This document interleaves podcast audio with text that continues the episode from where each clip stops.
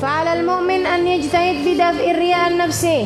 Fa'alal mu'min maka wajib bagi orang mukmin berusaha an yajtahida untuk bersungguh-sungguh fi riya menolak riya mencegah ria an nafsi dari dirinya sendiri wa an la yakuna lahu niyyah wala qasad fi jami' ta'atihi wa ibadatihi illa tagarruba ila Allah wa talaba thawabil akhirah Berusahalah agar dalam mengerjakan apa pun niatmu, tujuanmu fi jami' taati dalam semua taat yang kamu kerjakan wa ibadati dalam semua ibadah yang kamu lakukan berhati-hatilah bersungguh-sungguhlah agar niatmu jangan sampai melenceng dari ilat tagarruba ilallah niatnya hanya untuk tagarrub ilallah mendekat kepada Allah. Wa talab thawabil akhirah dan mencari pahala akhirat. Niatnya itu aja. Jangan nyari pandangan orang. Jangan nyari pujian orang. Jangan nyari biar orang ngasih kita. Jangan nyari biar orang hargain kita. Jangan nyari biar orang sayangin kita biar orang cintain kita. Nggak usah. Nggak usah. Kamu kecewa dan yang kamu lakukan sia-sia.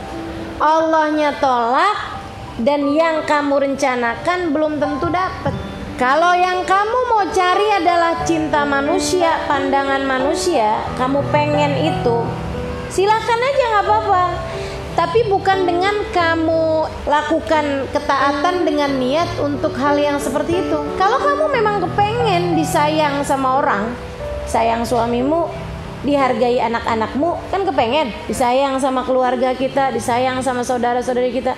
Nggak apa-apa, boleh kamu pengen yang seperti itu. Minta sama siapa? Sama yang punya pengendali hati manusia, namanya Allah Subhanahu wa taala. Minta sama Allah. Pengen apa?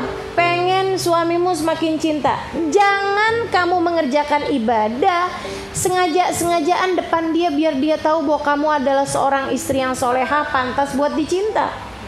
Ngapain? Kamu ngerjainnya buat Allah dan kamu minta ya Allah, Engkau sang pengendali hati. Taruhkan dalam hatiku rasa cinta kepada suamiku menjadikan aku ringan untuk melaksanakan tugas menjadi istri yang soleha.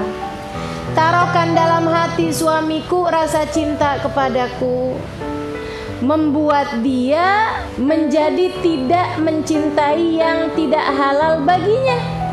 Jadi minta sama Allah SWT sebab Allah pengendali hati pengendali hatimu, pengendali hatinya. Ngapain kamu ngerjain sesuatu yang seharusnya buat Allah malah jadi buat suamimu? Jadi gitu, teman-teman saya sekalian.